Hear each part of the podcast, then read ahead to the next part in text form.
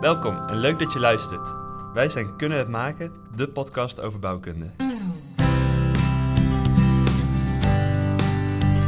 Want ik zit dan in het risico- en betrouwbaarheidsteam. En we hebben in onze afdeling ook een staalteam, een betonteam. Dat het onmogelijk te bewijzen is dat een risicoanalyse niet klopt. Havengebied waar enorme containers over getransporteerd worden. Dus daar moest wel wat aangepast worden. Het maken van constructies doe je als constructeur natuurlijk zo goed mogelijk. Je volgt de richtlijnen en houdt je aan de eurocode. Maar ondanks alles is er altijd de kans dat je constructie zou kunnen falen.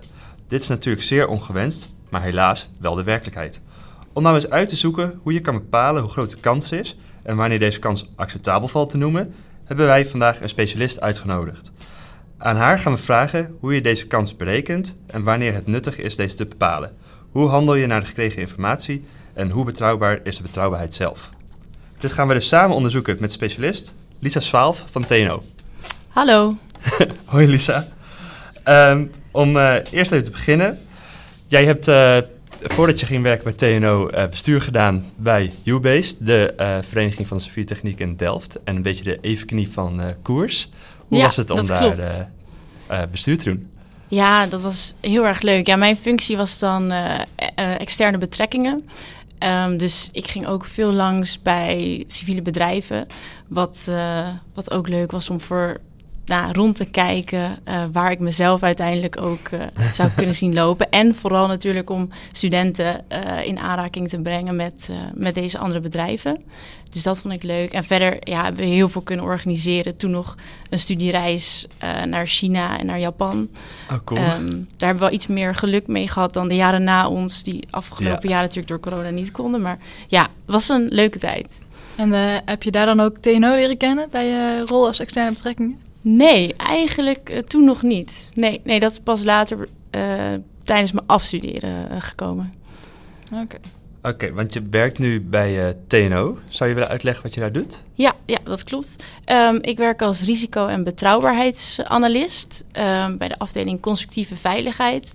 Dat gaat eigenlijk over eh, ja, alle civiele objecten, of kunstwerken, en voornamelijk bruggen eigenlijk. Ehm, eh, bij de unit bouw, infra en maritiem. Dus dat is een van de negen eh, units van TNO. Het klinkt niet echt als een van de standaard eh, banen die mensen zouden doen na een opleiding civiele techniek. Hoe eh, ben je terechtgekomen als risico- en betrouwbaarheidsanalist? Ehm, ja, ik heb dus de Master Structural Engineering gedaan aan de TU Delft met specialisatie in hydraulic structures. En er zat één vak in de master, dat was probabilistic design. Ehm, ja, dat was het enige vak wat over probabilistiek ging en meer de wiskundekant. En ik heb hiervoor ook getwijfeld toen ik civiele techniek ging studeren of ik niet eh, wiskunde wilde studeren. Dus voor dit vak had ik eigenlijk gekeken of ik hierop kon afstuderen. En dat bleek dat ik dus via eh, dit vak bij iemand eh, bij Roy Haskoning DHV eh, kon afstuderen op de veiligheid of betrouwbaarheid van eh onderwaterdrijvende tunnels. Ja, submerged floating tunnels. Daar ben ik op afgestudeerd uiteindelijk. En dus één van mijn commissieleden werkte bij TNO. Dus zo ben ik bij. TNO gekomen. En wat is een onderwaterdrijvende tunnel? Dat drijft hij dan echt of ligt hij op de bodem? Of wat is het Nee, idee? nee, dus hij drijft echt in het water. Ehm, het, het is nog nooit gebouwd, maar er zijn meerdere concepten eh, ontworpen. En één case study die ik heb gedaan is dan voor de fjorden, eh, een stuk van de Björnafjorden in Noorwegen. ehm, waar het gewoon ontzettend diep is en waar je heel Ja. ver zou moeten eh, omrijden. En nou goed, dus eh, er zijn verschillende andere tunnelconcepten bedacht. Of ook eh, een drijvende brug trouwens. Eh, maar Ja. voor een lange brug was de overspanning ook net eh, te lang. Dus ehm, het idee is eigenlijk dat die tunnel vastzit met eh, kettingen aan de zeebodem. Ja. Dus eigenlijk wil de tunnel omhoog drijven, maar hij wordt tegengehouden door die ketting. Dus er zit voortdurend Ah, eigenlijk eh, trekkracht in de kabel. Oh, Oké. dat grappig. En daar is het betrouwbaar uiteindelijk? Eh, ja, nou, dus ik ging kijken of de factoren van de eurocode eh, voor normale tunnels van toepassing zijn op, op deze soort tunnel. En het bleek niet voor alle eh, factoren het geval te zijn. Dus daar zou nog meer eh, onderzoek naar gedaan moeten worden. Ja. Oké. En want hoe lang is dit geleden? Ehm tweeënhalf jaar geleden. En weet je toevallig of ze ook nog steeds bezig zijn met dat onderzoek en of er ook dan al progressie in zit? Of ben je er helemaal niet meer mee bezig? Nou, nee, ik ben er niet meer zo bij betrokken eigenlijk. Ik begreep wel dat ze ook in China bezig waren met een prototype. Maar nee, weet ik niet of dat nu is gebouwd. Nee, volgens mij niet. En eh, wat, wat is dan het grootste obstakel is dan in, eh, in zo'n tunnel? Ehm, Want ik kan me voorstellen dat als er heel veel auto's doorheen rijden, dan wordt die tunnel iets zwaarder en dan gaat hij misschien iets lager liggen of zo. Of, ja, ja klopt. Ja, ik denk niet dat het dus per se eh, de, de, eh, dat het de veiligheid is wat een probleem zal worden. Maar ik denk wel dat het een constructieve uitdaging is en dat het veel Ja. geld kost. Een tunnel Ja. is natuurlijk altijd een kwestie van geld eigenlijk. Ehm, en nu moeten mensen gewoon ver omrijden. Dus om die fjorden in Noorwegen is echt een hele lange route waar je eigenlijk... Of, eh, of pontjes trouwens, veer, veerboten gaan ah ja, er. dat is ook een goede oplossing. Dus ja, en nu is dat eigenlijk een goedkopere oplossing, zo'n boot, dan om zo'n tunnel daar aan te gaan leggen. Ja, precies. Oké. Doe je naast ehm, al deze super technische en interessante dingen, heb je ook andere hobby's? Of, Eh, ja, nou, nu het mooi weer is, ben ik weer aan het beachvolleyballen. oh cool. Ehm, normaal door het jaar heen eh, speel ik wel indoor ook eh, volleybal. Ehm, ik eh, ga soms klimmen of bolderen met vrienden. Nice. Ehm, en ik ben bezig met Spaans, eh, om Spaans te leren. Oké. Dus ehm, ja, dat. ook nog een bepaald doel met de cursus Spaans? Of, eh, Ehm, nou, ik vind het vooral echt een hele mooie taal. Dus ik zou wel graag, eh, denk ik, uiteindelijk een tijd in Spanje ook willen wonen. ja. Ja. precies. Dus dan lijkt het me wel handig om het ook goed te spreken. Ja, vet. Oké, ehm, ja. Wat we normaal altijd even doen is een eh, klein vragenvuurtje. Eh, daarin stellen we jou vijf stellingen voor waar je kort op antwoordt in eh, waar of niet waar. En daarna krijg je de kans om het te nuanceren. Dus probeer echt eh, heel kort te antwoorden. En, eh, Oh jee, snel antwoord geven. Oké. Ja. Oké, de eerste. Risico's moet je beperken, je kan ze niet wegnemen. Deels waar. Hier wil ik graag dat- straks ook op terugkomen. Oké. Schrijf even waar op. Waar. Goed. Ja, waar. Constructeurs zijn zich te weinig bewust van de risico's. Niet waar. Constructies hoeven niet altijd vervangen te worden na hun levensduur, als je ze opnieuw de betrouwbaarheid bepaalt voor de huidige situatie. Ja, helemaal waar. Oké. Het bepalen van de betrouwbaarheid van een constructie is ook afhankelijk van de data die voorhanden is. Waar. Er is altijd een risico dat je risicoanalyse niet klopt. Ja, waar. Oh. Ah, interessant. En hoe groot is dat risico? Ja, dat is een hele lastige vraag die je daar stelt. Ehm, want ik heb... ehm, een van mijn collega's zei... ehm, ja, dat, dat heb ik ook ergens gelezen... dat het onmogelijk te bewijzen is dat een risicoanalyse niet klopt. Dus daardoor zou je ook niet kunnen zeggen dat die niet klopt. Want je kunt hem ook altijd bijstellen. Dus ja, die was het dan niet eens met deze, Ja, oké, deze stelling. dat, is- dat is een heel... eh, Ja, dat ligt een beetje aan je definities. maar ja, Want het, dan is het ook onmogelijk om te bewijzen dat het wel klopt. Of, en je gaat er dus van uit dat het altijd klopt. Ja, ik- daarom. Ik, ik ben er ook niet, niet uit. Daarom ga ik wel voor waar. Ja, Maar want wa- zo'n risicoanalyse is denk ik gebaseerd op gegevens, data. Ja. Daar zou natuurlijk ook altijd weer marges in kunnen zitten. Ja, ja, en het gaat ook heel erg om de kwaliteit van je data. Want je kunt wel heel veel data hebben. Maar als het geen goede data is, dat heeft natuurlijk heel erg invloed op je uitkomst van je analyse. Ja, precies. Dus dat, ja, Ja, want dat was ook een van de vragen. Maar goed, dat als je dus niet zulke goede data hebt, is het risico dat je risicoanalyse niet goed is natuurlijk ook weer hoger. Eh, ja, waar. maar ze zijn eigenlijk, ehm, als je zo'n risicoanalyse maakt, dan geef je toch ook een indicatie van hoe goed is mijn risicoanalyse, wat is, hoe, goed was het betrouw, hoe betrouwbaar was de data, wat voor data hebben we ge- gebruikt. Of is er Ehm, een soort nuancering aan het einde van je analyse, kan ik me voorstellen? Of is het gewoon echt een getal? Nee, het is veilig nee, dus veilig. nee, bij een risicoanalyse is het niet echt een getal wat je uiteindelijk eh, afgeeft. En ik werk meer aan de betrouwbaarheidskant trouwens, de betrouwbaarheidsanalyses. Eh, maar met risicoanalyse maak je eerst inventaris van wat zijn alle mogelijke eh, risico's. En ook eh, een, een uh, foutenboom of een gevolgenboom met wat er allemaal kan plaatsvinden. En je maakt natuurlijk wel een, een matrix met wat de kans is of welke dus het meest ehm, voor zal komen of de grootste impact heeft. En daardoor hebben ze een bepaalde schaal. Um, dus, dus ja, want risico is natuurlijk kans keer gevolg. Dus met die twee aspecten uh, hou je rekening. Ja. ja. En je zegt, ik werk vooral zelf in betrouwbaarheid. Ja. Kun je uitleggen wat het verschil is tussen risico en betrouwbaarheid? ja, ja, goede vraag. Ja, dus wat ik zei, zei uh, dat risico is kans keer uh, gevolg. En de betrouwbaarheid is eigenlijk één min de kans op falen. Dus Um, als je kans op falen 1% is bijvoorbeeld van iets, dan is je betrouwbaarheid 99%. Ja, precies. Dus betrouwbaarheid is eigenlijk onderdeel van risico. Ja, alleen daar neem je de gevolgen dan niet in mee. Nee, precies. Ja, zo zie ik het wel. Dus dat inderdaad betrouwbaarheid een onderdeel is van, uh, van risico. Ja, ja. Oké. Okay. Um, nou, zullen we toch even teruggaan naar die eerste vraag. Uh, risico's moet je beperken, je kan ze niet wegnemen. Hier was een beetje vaag in. Kan je daar een beetje... Ja, ja dus ook over het stuk van je kan het niet wegnemen. Um, voor een specifiek risico zou je dat wel kunnen doen. Als je hem hebt geïdentificeerd en denkt... oh nee, dit risico uh, willen wij niet accepteren, bijvoorbeeld. Zou je voor dat risico kunnen kiezen om hem weg te nemen. En ding is ook, je hoeft hem niet altijd weg te nemen.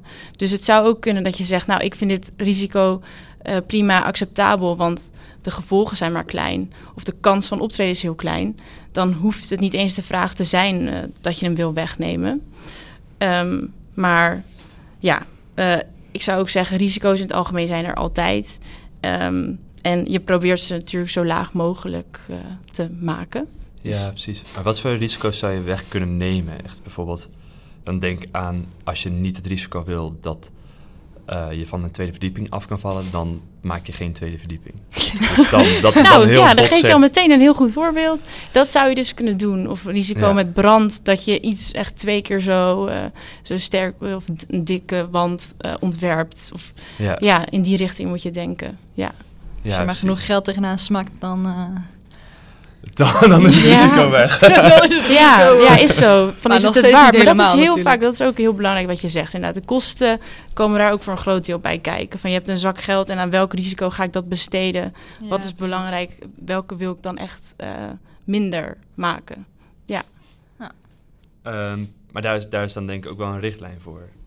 Uh, om te bepalen welke risico's zijn belangrijker, welke niet. Of is dat dan, als je dan bijvoorbeeld naar brug kijkt dan kan mm -hmm. me mhm. voorstellen dat daar bepaalde risico's zijn die je meeneemt. En dan...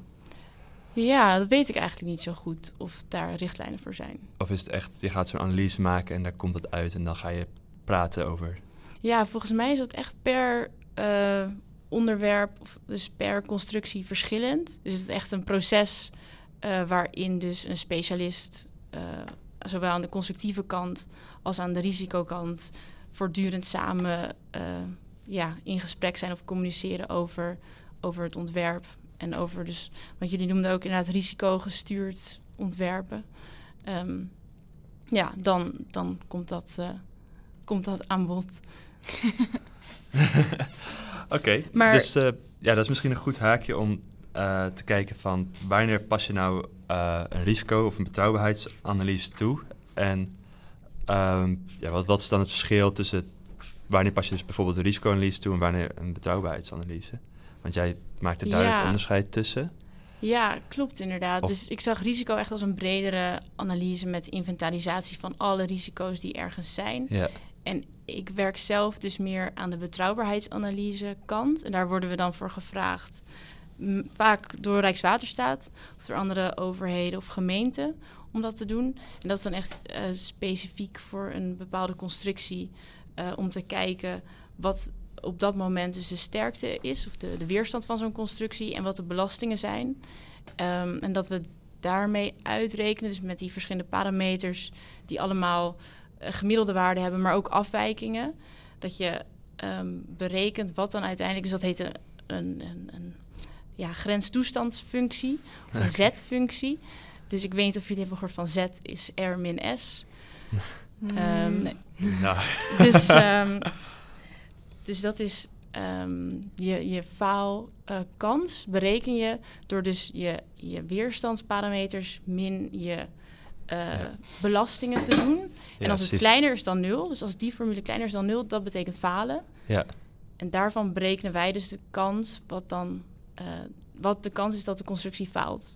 Op, op basis van die parameters. Oké. maar dat is dan een betrouwbaarheidsanalyse. Ja, want Dus dus, een- uiteindelijk met die faalkans die eruit komt, eh, dat is weer te, om te zetten in een betrouwbaarheidsindex. Dus misschien Oké. heb je best van betrouwbaarheidsniveaus gehoord. Eh, nee, maar daar hebben we Eh, jou dus voor. gevolgklassen, dus uh, consequence classes. Dus je hebt Ja. consequence Oh ja, ja, klas zeker. 1, 2 en 3. En dus in de hoogste klas, ehm, ja, volgens mij accepteren ze dan een beta van 3,8, hoor je vaak, of 4,2. Wat het En dat is dan de kans dat hij faalt. Dus dat is dan de beta, maar dat is bijvoorbeeld gelijk aan een faalkans van 10 tot de min vierde. Dus een kans van 1 op de 10.000 dat iets faalt. Ah, dat oké, is en dan die beta is dan de macht. Of, Nee, dus die beta is met een andere functie oh ja. te zetten in een faalkans. En ja, dan eh, kun je dus op basis daarvan eh kijk je of het een acceptabele eh, kans is op Ja, falen. precies. Dus je rekent de, de, de faalkans uit. En Ja. daar, aan de hand daarvan kan je die beta uitrekenen. En dan weet je of aan de hand van de consequence class of dat die geaccepteerd is of niet. Ja, dus als je hem inderdaad zo toetst aan de eurocode, dus daar zijn inderdaad bepaalde standaardwaarden voor. Mhm. Ja, daar, daar kun je hem dan aan eh, mee vergelijken, inderdaad. En werken jullie ook met die, met die waardes dan? Ehm, nou, wij komen dus vaker eh, in de, erbij kijken als, ehm, als het dus niet volgens de eurocode berekend moet worden. Dus als, in, als er een herberekening gedaan wordt van een constructie die bijvoorbeeld wel vo- voldeed aan zo'n beta van 3,8 en die bijna einde levensduur is, die, die dus bijna aan vervanging toe is, ehm, waarvan ze dan willen kijken, oh, maar is het echt zo dat we hem eh, moeten gaan vervangen of kan hij nog wat langer mee?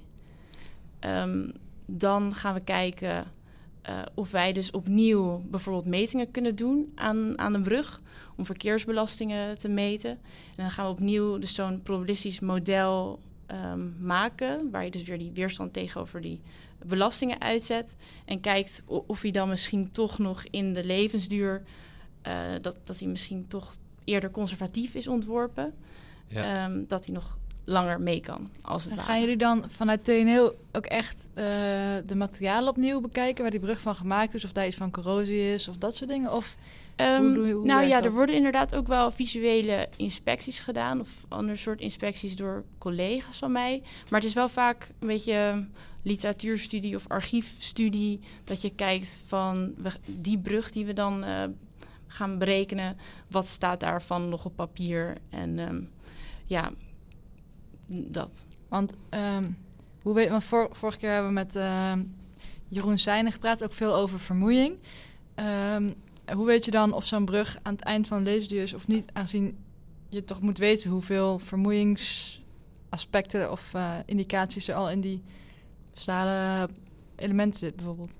Ja, dus dat je weet dat een constructie tegen zijn, in zijn levensduur ook eh, degradeert. Als in de Ja, dat de sterkte degradeert. Ja, dus daar hebben we wel modellen voor en, en ehm, onzekerheidsfactoren die we daarin meenemen. Dus daar zit best wel een bandbreedte in die we dan meenemen in zo'n, eh, voor zo'n weerstandsparameter. Ja. Oké. Dus dat wordt echt aan de hand van, eh, nou ja, standaard modellen, als, om het zo te zeggen, gedaan in combinatie met de huidige factoren en de, gewoon de dimensies die ooit een keer bedacht zijn. Bepalen jullie of Ja, die nog dus- langer mee kan Dus of niet? ooit zijn ze dan berekend met de veiligheidsfactoren. En Ja. wij gaan eigenlijk niet meer die veiligheidsfactoren Ah, gebruiken. Maar echt scherper op de norm echt die berekening maken. Waardoor je dus niet nog een keer zo'n veiligheidsfactor doet. En, en op die manier vergelijk je ze. Ja, oké, want die veiligheidsfactoren zijn er toch juist om een stukje betrouwbaarheid in te bouwen? Ja, dus En dan, klopt. Ja. En dan ga je eigenlijk kijken van hoe, ver, hoe, ja, hoe is die betrouwbaarheid nu? En als je dan die veiligheidsfactoren meeneemt, dan zit je eigenlijk een beetje... Dus het zou kunnen dat zo'n veiligheidsfactor eigenlijk lager hoeft te zijn. Dat die, Ja, Dus dat zo'n veiligheidsfactor van 1,5 bijvoorbeeld eigenlijk te hoog bleek. Ja, dus jullie Dat zoeken kan. echt het, het uiterste erop, echt de grens van wat nog eh, acceptabel is. Maar dan zeg je, alsnog garandeer je wel dus Ja. zo'n beta van 3,8 bijvoorbeeld. Uiteindelijk zet je wel weer je faalkans om in die beta. Dus het is niet zo dat het dan een minder eh, veilige constructie is. Dat niet. Nee, nee, precies. Wordt er van tevoren ook dan besloten van... ehm, we gaan dit onderzoek doen en we willen eigenlijk... de- deze, deze betrouwbaarheid, deze beta willen we vinden. En dan gaan we het onderzoek doen en dan kijken we of eh, dat eraan gaat voldoen. Of wordt er eerst onderzoek gedaan en dan vinden we iets... en dan gaan we kijken of dat acceptabel is. Wat, wat is de loop? Ehm, nee, vaak wordt er van tevoren een niveau vastgesteld. En ook met een bepaalde levensduur. Dus ja, dat voor de laatste berekening die we hebben gedaan... moest bijvoorbeeld op een beta van eh 3,3... met nog een levensjaar, eh, levensduur van 50 jaar. Om een voorbeeld te geven. Ja, Eh, maar ja, dus vooraf. Ja. En hoe bepaal je dan eh, of een constructie bijvoorbeeld, of wanneer je een risicoanalyse gaat doen? Is het gewoon een klant die denkt, ah, deze brug is bijna uit het levensduur, maar ik wil hem nog langer, we gaan naar TNO? Of Ehm, ja, dus voor de constructies, zeg maar de meeste bruggen die wij bij TNO hebben doorgerekend, kwam die vraag dan vanuit Rijkswaterstaat. Ehm, maar we doen ook voor andere bedrijven ehm, dat we bijvoorbeeld de betrouwbaarheid narekenen. Ik ben bijvoorbeeld nu bezig voor een Duits ingenieursbureau ehm, de betrouwbaarheid van hun eh, betonnen funderingen voor, de, voor elektriciteitsmasten. Ehm, en zij hebben dat dan berekend en ze willen dat graag laten controleren door TNO. Oké, want zij, maar ehm, zij berekenen dan de betrouwbaarheid op falen van die fundering, denk ik. Ja. En dan, ehm, dat, dat kunnen zij niet via een norm bepalen dan? Eh, nou, ze hebben dat eh, via hun eigen programma's. Dus je hebt verschillende methoden om dan uiteindelijk dus die z-functies eh, te berekenen. Je hebt misschien gehoord van vormanalyse en Monte Carlo. Ja. Ehm, en zij passen dan bepaalde methodes toe. En wij hebben ook onze eigen TNO-programmatuur, Ja. waarin we dus die vorm, of, of dat is dus een first order reliability method, maar je kan ook een secondary, een ja, een SORM-analyse doen. Ehm, dus wij passen onze eigen programma's toe om dan hun Ja. eh, software ook te controleren. Maar ze gebruiken in principe ook zelf de rekenmethodes, dus daarom zou het ook gewoon overeen moeten komen. Ah, Oké, want wat is dan een argument om zelf die hele betrouwbaarheidsstudie eh, uit te voeren, terwijl je eigenlijk ook gewoon de normen hebt die je kan volgen en dan zou je ook aan een bepaalde betrouwbaarheid moeten voldoen. Want dan lijkt het een beetje omslachtig, alsof je Ja, eh, Ja. extra geld geeft, terwijl...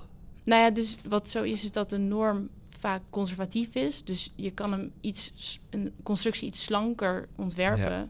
Als je dus zelf, eh, want je hebt verschillende ordes van reliability methods. Ja. Dus wat ik net zei was een eerste orde of tweede orde, maar het gaat tot en met de orde 4 eh, berekening. En als je dus, daar heb je meer informatie voor nodig, is ook moeilijker om te berekenen. Ja. Maar dat loont dan in een bijvoorbeeld slankere constructie.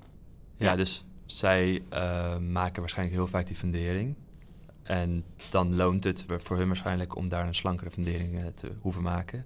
Ja. Want het betekent gewoon minder materiaal en vaker, eh, vaker toepasbaar. Mhm. ja, ja, klopt. Zo kan je het zien. Ja. en welke, ja.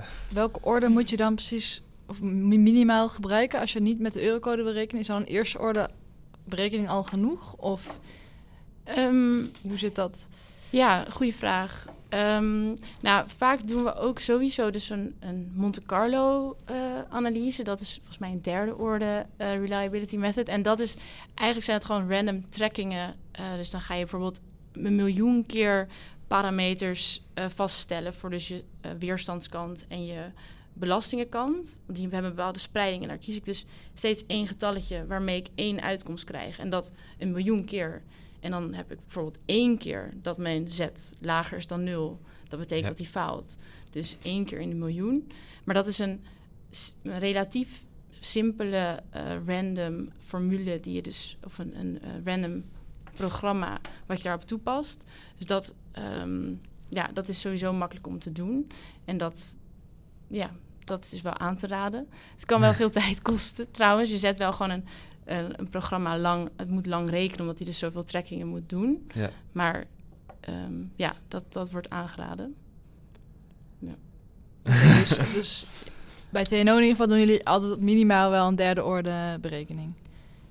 Ehm, nou, toevallig dus voor dit project wat ik noemde voor dat Duitse ingenieursbureau doen we alleen een first order reliability method. Dus dat is Oké. eh, ja, wisselt is een niet beetje zo. afhankelijk van het project. ja, toch wel. Ja. Oké. En wat is dan een voorbeeld van een first order reli- reliability method? Ehm, Of is dat ja, dus als je zo'n z-functie zou, zou schetsen, dus zo'n r min z uit zou tekenen, dan zou het bijvoorbeeld een parabolische grafiek zijn of zo. Ja, En eigenlijk in een first order method ga je hem lineariseren. ja, Eh, en dan heb je de afstand tot je lineaire, dus tot je lijn.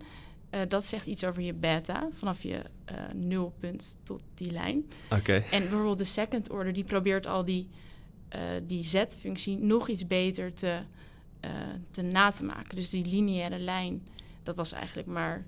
Die kwam niet zo goed in de buurt. Maar Ja, dan gaan we nog, nog iets meer met nog een extra parameter proberen om de lijn te evenaren. ja, precies. Dus het is net wat hogere kwaliteit. Dus het, eigenlijk kan je zeggen dat ehm, als je een order omhoog gaat, dan is de kans dat jouw betrouwbaarheid iets minder conservatief is eh, groter. Want je zal in zo'n zo'n zo'n lijn die dichtbij komt, maar niet helemaal is, je toch een soort veiligheid moeten inbouwen. Of, Dus dat hij wel iets beter is. Maar aan de andere kant zijn vaak, dus voor wat makkelijkere faalfuncties, liggen ze heel dicht bij elkaar. Dus is het niet de moeite. Ik denk dat dat het vooral is. Dat het dus niet de moeite is om zo'n Ah, tweede orde Ja. te doen.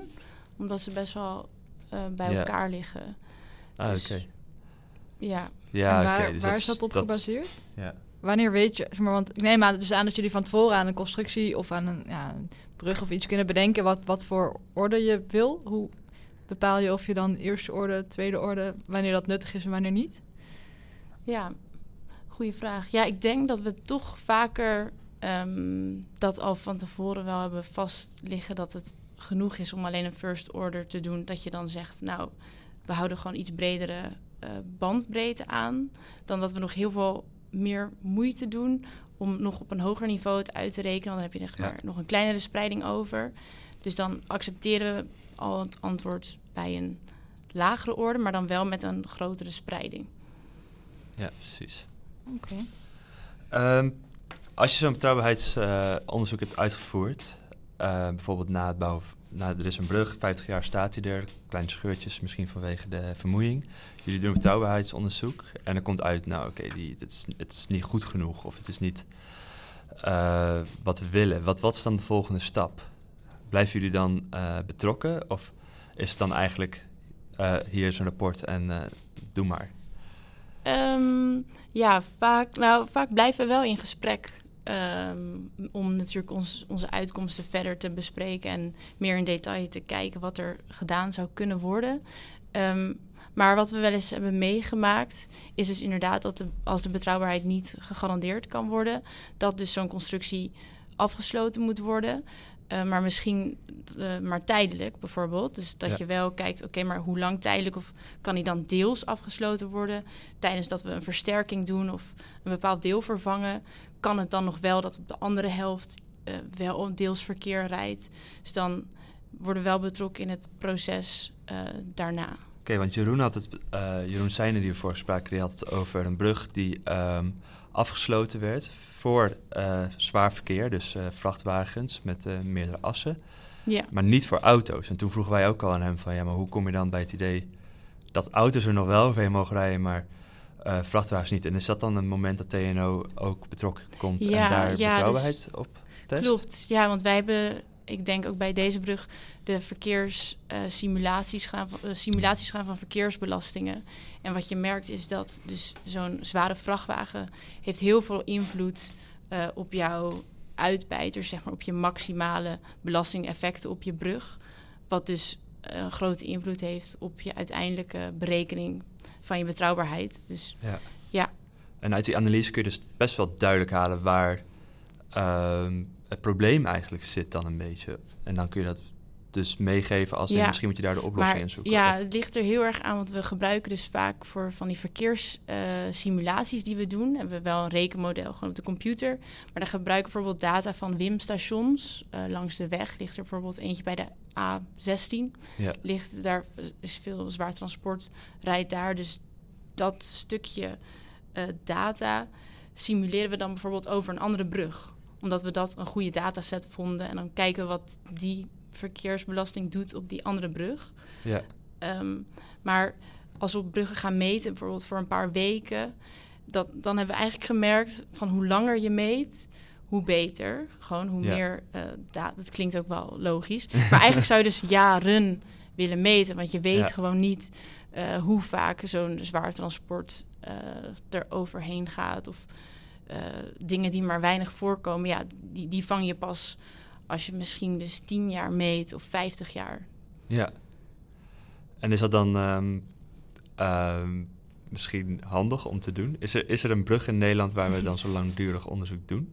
Weet je dat? Ehm, nee, weet ik niet. Dat je ergens gewoon 50 jaar lang. eh, ja, ik kan me voorstellen, je zet een station neer en eh, een grote harde schijf en eh, nou, meet maar. ja, dat is inderdaad ook een ding. De opslag van die. eh, er moet eens in de zoveel tijd moet er even iemand naar de brug, dat kastje ja? even open doen, even de data ergens overzetten en dan weer verversen, zodat hij weer opnieuw kan meten. Oké, dat, dat- kan niet in de cloud. Nou ja, misschien zouden ze dat. eh, dat is echt een verbeterpunt. Allemaal Ehm. slimme mensen bij Rijkswaterstaat, maar geen cloud. Ja, ja, goed, misschien doen ze het al hoor. Maar volgens mij, er, we zijn er wel eens tegen aangelopen. In ieder geval dat de dataopslag eh, ja, een probleem ja. was. Ehm, nou, dat is wel leuk om dan ook misschien door te gaan naar de data.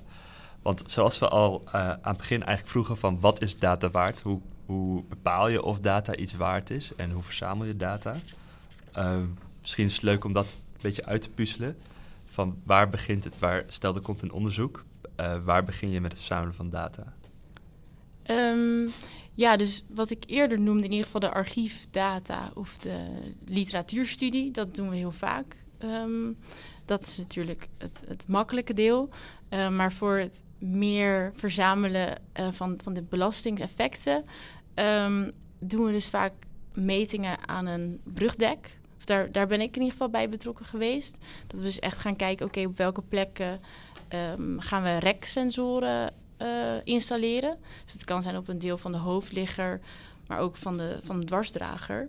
Ligt een beetje ook aan hoe bereikbaar de plek is eh, van de brug om de sensor te plaatsen. Hoe je hem dan, of je hem bij een las kan leggen of niet.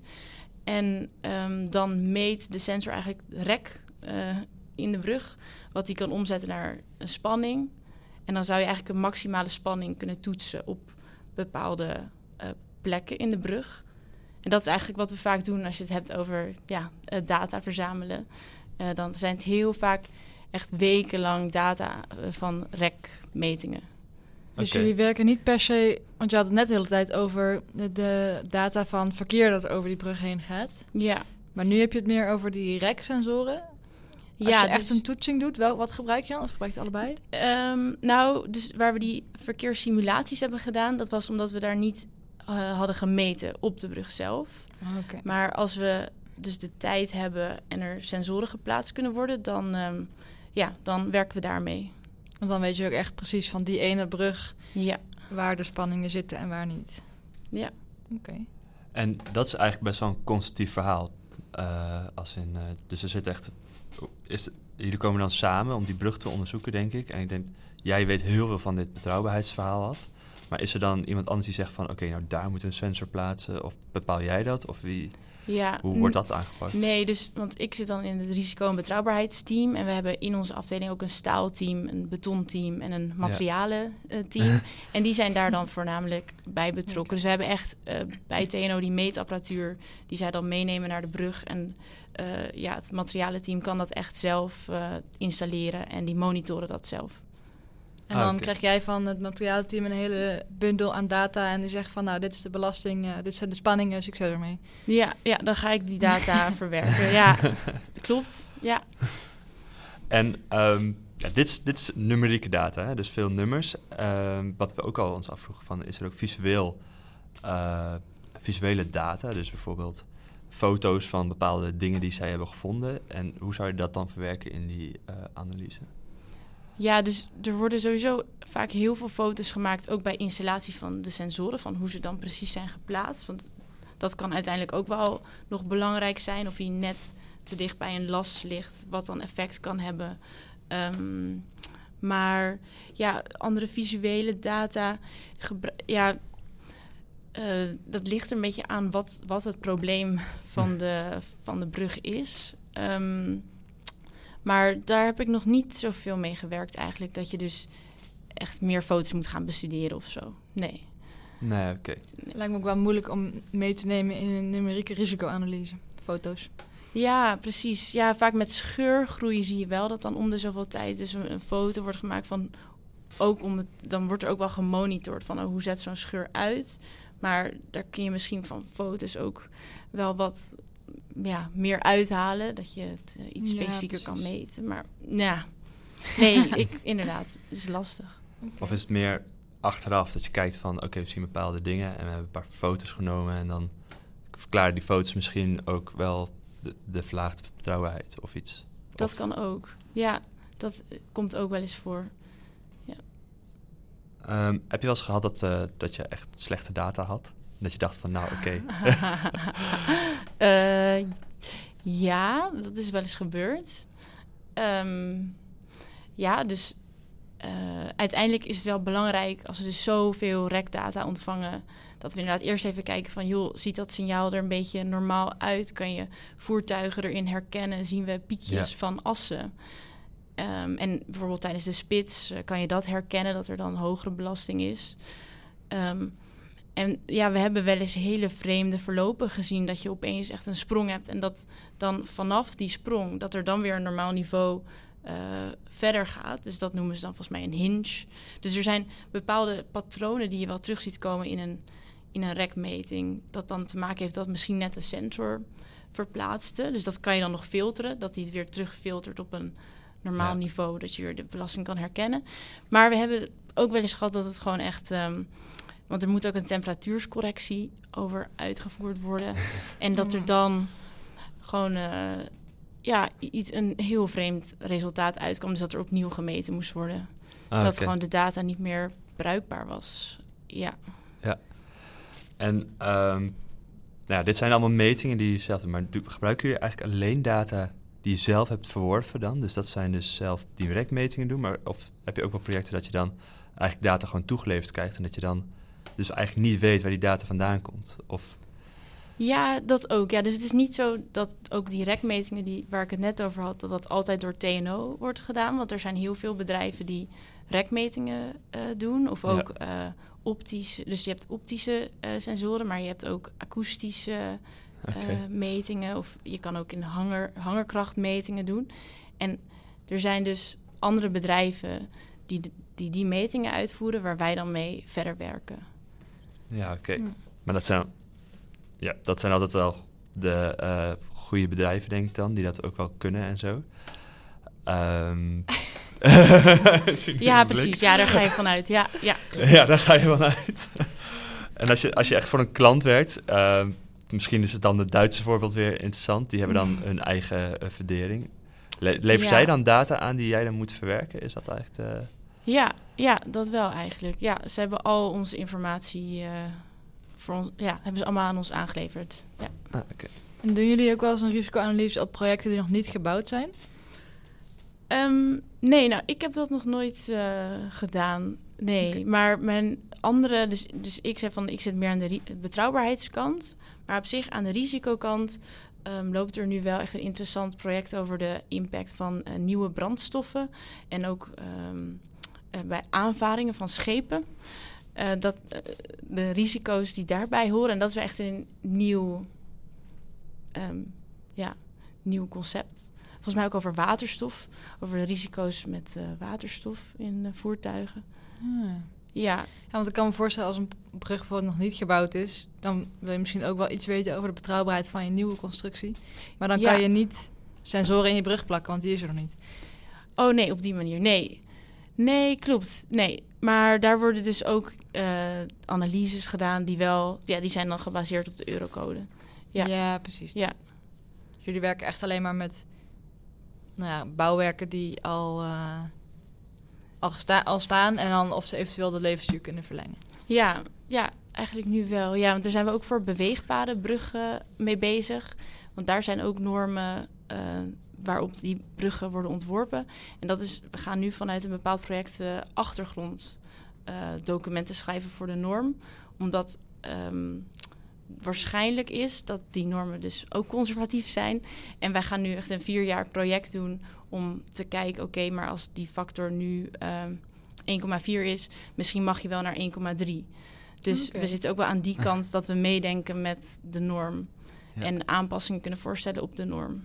Dus over een aantal jaren is opeens uh, de, de, veiligheidsfactoren die uh, zakken opeens naar beneden naar jullie. dat is de bedoeling dan, neem ik aan. Misschien een beetje. Ja, dat zou kunnen. Of omhoog. Uh, dat, dat, kan, ook. Er is altijd een kans. Zouden dan alle bruggen opnieuw gebouwd moeten worden? Nee. alles weer testen. Laten we daar maar niet van uitgaan. Hè? Nee. Wat staat, dat staat toch? Dat is op zich. Ja, precies. Dat ook. Bewezen sterkte. Als het ja. staat, dan. Ja. ja. we hebben het nu de hele tijd over bruggen gehad, uh, waar jullie veel mee doen. Uh, speelt risico ook een rol in andere projecten? Uh, utiliteitsbouw of uh, gewoon... Zijn jullie daar ook mee bezig? Ja, zeker. Nee, je kan risico's natuurlijk overal in elk werkveld wel um, toepassen of de, de, methodiek gebruiken. Ik zit zelf in het bestuur van de NVRB. Dat is de Nederlandse Vereniging voor Risico's en Bedrijfszekerheid. Um, en daar organiseren we lezingen, avonden uh, over, nou goed, dus risico's en betrouwbaarheid, maar in hele andere vakgebieden ook. Dus bijvoorbeeld uh, risico's in de luchtvaart. Um, we gaan straks iets organiseren in de richting van landbouw, risico's in de landbouw. En we hebben iets georganiseerd over kerncentrales. Dus uh, risicobeheersing van, bij kernenergie. Dus ja, zeker, dat speelt heel erg in andere vakgebieden. Ik neem aan dat het toch wel heel anders is dan. Dan kan je niet meer dat uh, formuletje, wat was het? Z is uh, Jawel, Ermin. Z is Ermin S. Je hebt altijd een bepaalde weerstand en een sterkte van iets waar je um, waar iets aan moet voldoen. Dus dat, ehm, die formule die kan je eigenlijk altijd toepassen. Maar goed, dat, dan hebben we het over. Dus dat is een betrouwbaarheidsformule. Maar die, ja. dat is meer. Dus uh, de risicokant. Je kan altijd uh, risico's inventariseren, uh, identificeren en ook meer kwantificeren. Ja. Oké, okay, want een risicoanalyse is echt dus een lijst maken van wat zijn de risico's ja. en hoe groot is de kans dat het risico voorkomt. Ja, en ja, dan ja. Uh, hoe pro problematisch is het als het risico gebeurt, kan me voorstellen dat dat ook ja, nog wat is de impact van het risico, ja. ja. Dus bijvoorbeeld, uh, ja, hoe groot is de kans dat een vogel tegen een, uh, hoe heet het, uh, kernfabriek aanvliegt. Nou, ja, dat is niet heel problematisch, maar die kans is misschien mm -hmm. wat groter. Of Precies. hoe groot is de kans ja. op een meltdown? Die is misschien wat kleiner, maar iets problematischer. impact is heel groot, ja. ja. Ja, precies. Dus zo kom je op van die matrices waar het dus rood is als iets heel veel en veel impact heeft en grote kans op optreden. En iets een heel laag is als het, nou goed, hele kleine kansen en hele kleine consequenties uh, heeft. En um, wat, zou, wat zou de betrouwbaarheid zijn bij zo'n uh, kernfabriek? Wat, waar, waar test je dan eigenlijk op? Ja, ik denk dus dat er dus er zijn specifieke normen voor zo'n uh, betonnen gebouw. En ook wat de fundering van zo'n... Het is een enorme fundering natuurlijk wat er onder zo'n kerncentrale zit. Um, maar daar zijn hele aparte richtlijnen voor. Ook geschreven door... Je hebt dus een, een ja, soort van... Wat dan bij ons de Joint Committee of Structural Safety is voor veel constructies, heb je ook zoiets voor kerncentrales. Dus echt een commissie die volgens mij misschien wel uh, wereldwijd ja. normen heeft daarvoor. Ja. Oké. Okay.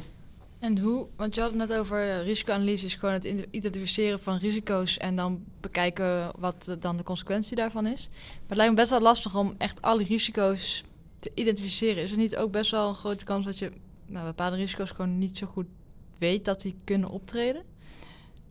Ja, ja dat, ik denk dat als je een lijst maakt met alle mogelijkheden, kijk, je kan dan nog heel lang doorgaan, want er zijn risico's die, ja, die waarschijnlijk heel weinig voorkomen, maar het wel kan. En ik denk dat je op een gegeven moment ergens gewoon een grens trekt van, nou ja, dit zijn de belangrijkste, of deze komen, dit zien we vaker voorkomen. En met andere, ja, hoeven we gewoon minder rekening te houden. Um, maar zo, zoals ik zei, ik, ik ben dus minder betrokken geweest bij risicoanalyse. Ik weet ook dat er wel foute bomen worden gemaakt. En ook uh, veiligheidsniveaus worden vastgesteld van op welk niveau eh, je wat voor kans accepteert. Wat je op zich ook doet bij betrouwbaarheidsanalyse. Ja, Ehm, precies. Want je, eigenlijk accepteer je altijd wel dat er een minimale kans is dat iets bijvoorbeeld instort of fout gaat of Ja, whatever. ja, precies. Net zoals met het dijken in Nederland eigenlijk.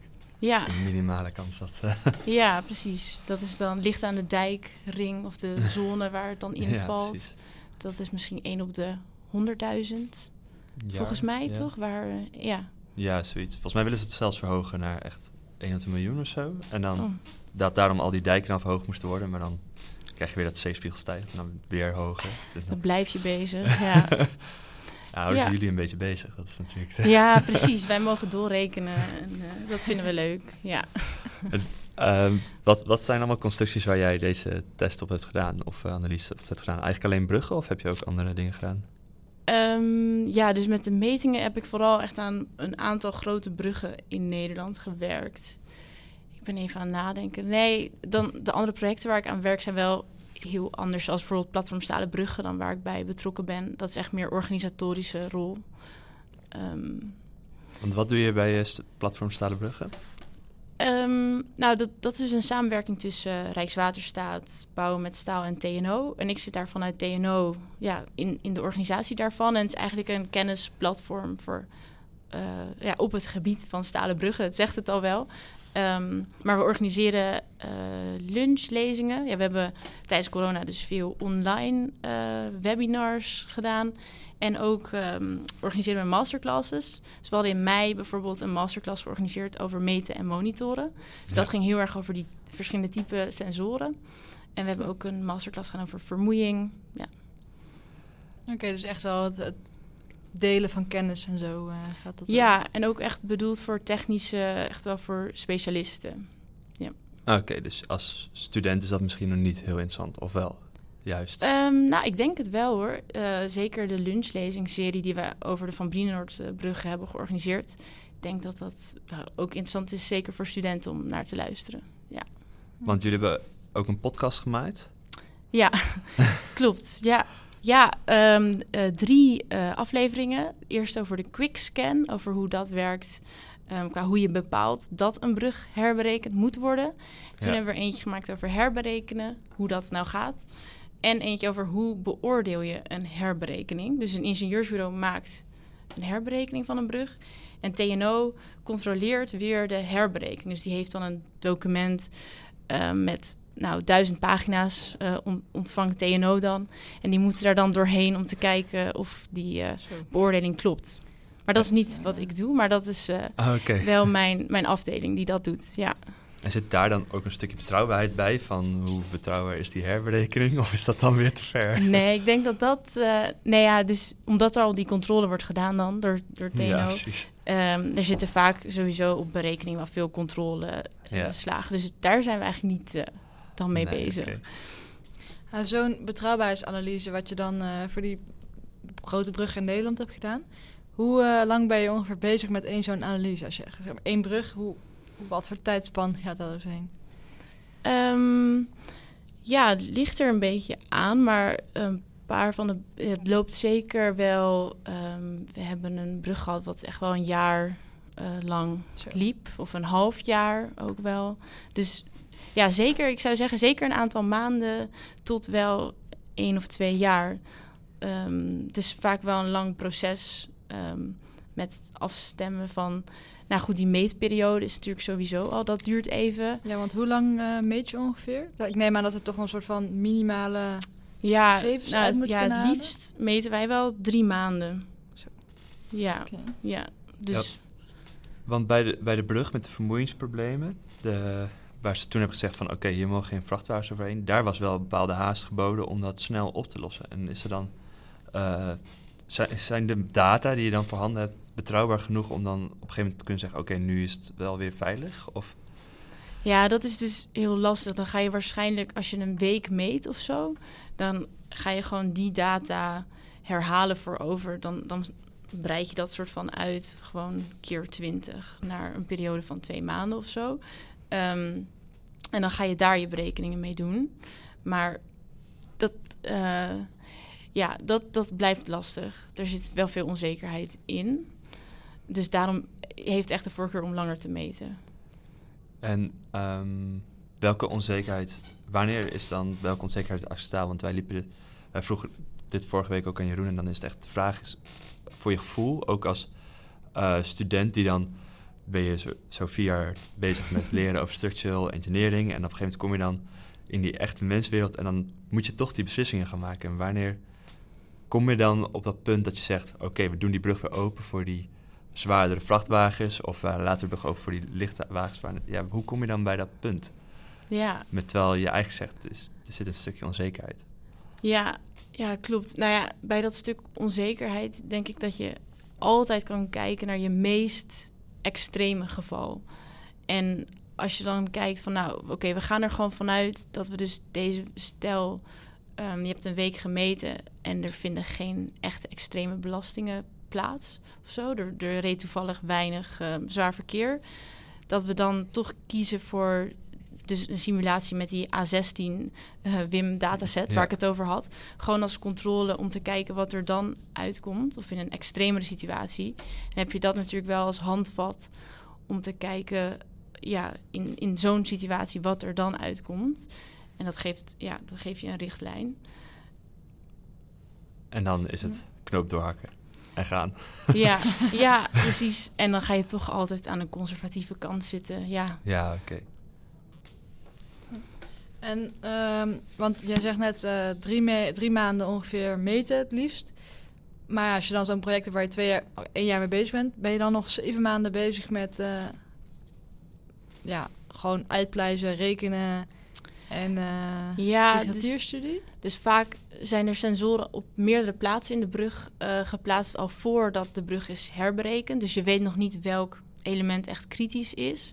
Dus dan is het ook nog wachten op de herberekening en op wat wij horen over welke sensor of welk onderdeel van de brug nou verder bekeken moet worden. En als je dan zo'n analyse doet van die specifieke plek, waar, waarvan uh, dus blijkt dat die waarschijnlijk uh, uh, dominant is of het belangrijkste mm -hmm. is, um, dan zijn er nog veel probabilistische methodes die je kan gebruiken om uiteindelijk zo'n um, ontwerpwaarde te berekenen eigenlijk. Want het is zo dat je ja, zo'n drie maanden meting. Uiteindelijk wil je eigenlijk voor een periode van 50 jaar of zo kijken. Dus je moet eigenlijk die metingen gaan extrapoleren. Of in ieder geval alle. Je gaat bijvoorbeeld alle dagmaxima uh, plotten. En daarvan ga je het extrapoleren naar wat dan een waarde zou zijn over 50 jaar. Um, en er zijn dus verschillende soort verdelingsfuncties die je kan gebruiken om bij zo'n ontwerpwaarde te komen. Dus het is vaak ook nog een heel proces om dan te kiezen van um, oké, dus wiskundig uh, gebruiken wij uiteindelijk deze methode. Um, dus ja, dat, dat blijft een beetje dialoog met um, een opdrachtgever of uh, de experts binnen TNO. Oké. En als je dan die, die waardes uh, voor over 50 jaar uh, vaststelt, zeg maar, of nou, estimate. Extrapoleert. Extrapoleert. Ja. Um, hou je dan nog rekening mee dat het eventueel de verkeerssituatie kan veranderen of iets? Aangezien dat natuurlijk... Ja, ja, dus er zit ook altijd een factor die je doet voor een uh, verkeersgroei. Of, ik weet even niet hoe je dat noemt, maar um, ja, de dat je ervan uitgaat dat het verkeer elk jaar toeneemt. Zoiets okay. wordt ook meegenomen in, in de berekening. Ja. Handig. ja, dat is ook. Voordat we weer zo'nzelfde geval krijgen dat de uh, verkeerssituatie enorm groeit en dan alle bruggen. Uh... Ja, precies. Met de Suurhofbrug die uiteindelijk, of die was eerst berekend voor. Um, nou, volgens mij alleen maar gewoon klein, uh, misschien soms bestelbusjes of normaal verkeer. Maar dat is uiteindelijk echt een brug gewoon in een havengebied waar enorme uh, containers over getransporteerd worden. Dus daar moest wel wat aangepast worden. Kleine maar aanpassing. ja. ah, nice. Ja, ja, ja precies. Um, ja, Jeroen had het dan ook over onvoorspelbaarheid. Want hij zei, uh, ja, wij konden gewoon niet weten dat er zulke grote vrachtwagens met uh, ook minder assen, zei hij vooral, uh, over die bruggen gingen rijden. En dan zit daar, ja, dat is ook een beetje zo'n zoiets van, hoe, hoe weet je dat? Weet je wel? Hoe, ja. hoe voorspel je dan wat? Ja, dus dat, wat omdat juiste... je dat niet weet, neem, bouw je daar dus wel zo'n factor voor in. Dat, dat, daar Ja. zou eigenlijk die factor mee moeten overbruggen. Ehm, dat doet me ook denken. Dat doet me ook, ja, overbruggen. Maar dat doet me ook wel denken aan, want we hebben testen gedaan met een super eco-combi. Dat is een, een mega lange vrachtwagen. Ehm, ja, als die straks over de bruggen gaat rijden, ehm, dat gaat ook wel zeker impact hebben. Dus daar worden nu al testen mee gedaan. Zodat ja, daar in het vervolg rekening mee gehouden kan worden. Als die überhaupt wordt toegelaten over de Nederlandse weg. Want dat is, een, dat is een ding dat nu speelt. Dat is misschien die vrachtwagens willen toelaten op de Nederlandse weg. Ja, ja. maar zouden dan alle bruggen weer opnieuw eh, herberekend moeten worden? Of zeg je van, nou ja, omdat we dus altijd al rekening hielden met een eventuele verhoging van de verkeersbelasting, zou dit daar nog wel binnen de marges vallen? Nou, ik denk dat ze misschien daarvoor een aantal bruggen gaan herberekenen wel of ze dat aan zouden kunnen, omdat die super eco-combi dan waarschijnlijk alleen maar bepaalde corridors mag gaan rijden Ja, precies. Ehm, en echt niet op elke, elke Ja, weg. Dus dat je daar dan nog wel specifiek naar gaat kijken. Ik krijg dan niet bij mij in de straat ineens een eh, vrachtwagen met zes aanhangers. Nee, nee, nee, nee. Daar hoef je niet bang voor te zijn. dat scheelt. Ehm, ja, wat, zijn, eh, wat is jouw ambitie nog binnen de betrouwbaarheid? Zijn er constructies waarvan je zegt, dit is echt heel cool, daar wil ik eh, betrouwbaarheid op testen? Of is dat zoiets er niet? Ja, ja, goede vraag. Misschien zo'n tunnel als waarmee je begon? Ja, nou, als ik daar verder aan zou mogen werken. Ja, dat lijkt me wel interessant inderdaad. Echt een nieuw concept is dat. Dus ehm, ja, en verder kan ik niet zo snel iets bedenken in de richting van betrouwbaarheid. Wat ik nog. Nee, ja. Hm, zijn er in Nederland echt aansprekende projecten die eh, nu plaatsvinden waarvan ze zeggen dat dat, dat zijn wel eh, misschien eh, grote ideeën waar we dingen op testen? Misschien grote Het, echt het enige wat ik kan bedenken, ik denk gewoon nu alleen maar aan bruggen. Dus als er Ja. ooit, ooit een hele grote brug tussen Europa en Afrika wordt gebouwd. Nee, ik, eh, ik weet het even niet. Misschien een brug over het kanaal van eh Ja. Calais naar eh, Dover. Ja, Ik weet niet of de Britten daar heel veel zin in hebben, maar Ja, Nee. of toch eh, een brug eh, daar in Noorwegen tussen de fjorden. ja, ja, precies. Nee, dat lijkt me interessant. Ja, Ik denk dat het ongeveer eh, bijna tijd is. We hebben altijd nog één laatste vraag die we graag zouden willen stellen. Ehm, en dat is wat je nog, eh, studenten die nu aan het studeren zijn, wat je ze nog mee zou willen geven voor eh, de toekomst. Oh ja, oh, dat is een leuke vraag. Ehm, ja, ik zou zeggen, bedenk goed waar je nog meer over wil leren. Wat jou echt triggert, wat jij interessant vindt. Ehm, en ehm, als je bij een bedrijf gaat solliciteren, eh, vraag specifiek aan wat voor projecten je dan komt werken. Eh, want dan heb je gewoon echt concreet een idee van, oh ja, dit zouden de soort projecten kunnen zijn waar ik dan aan ga werken. Zie ik mezelf hier aan werken? Ehm, ja, ik denk dat dat een, een goed beeld eh, dan geeft. En, en de sfeer is denk ik ook heel belangrijk. Dat je het gevoel hebt van hier, eh, ja, hier zou ik wel een jaar of meer kunnen blijven. Oké. Nou, Lisa, hartstikke bedankt voor, eh, ja, voor deze opname. Ik vond het wel super interessant. Heel veel geleerd over dingen waarvan ik eigenlijk nog helemaal niks wist. Dus eh, ik hoop dat de rest het ook eh, leerzaam vindt. En eh, ja, mooi. Leuk. Ja, Eh, jullie ook bedankt voor de uitnodiging. ja, dat was echt een superleuke podcast. u luisterde naar Kunnen we het maken? Gepresenteerd door Hille van Wezel en Saar Driessen. Tot slot willen we de commissie die heeft geholpen deze podcast te maken bedanken. En Joram Driessen bedanken voor het maken van het intromuziekje. Als laatste natuurlijk jij bedankt voor het luisteren. Wil je graag reageren op deze aflevering? Dan kan dat door te mailen naar podcast.koerstw.nl of door ons te volgen op Instagram @koersief. Over twee weken zijn we terug met onze volgende aflevering. Voor nu bedankt voor het luisteren en tot ziens. Doei.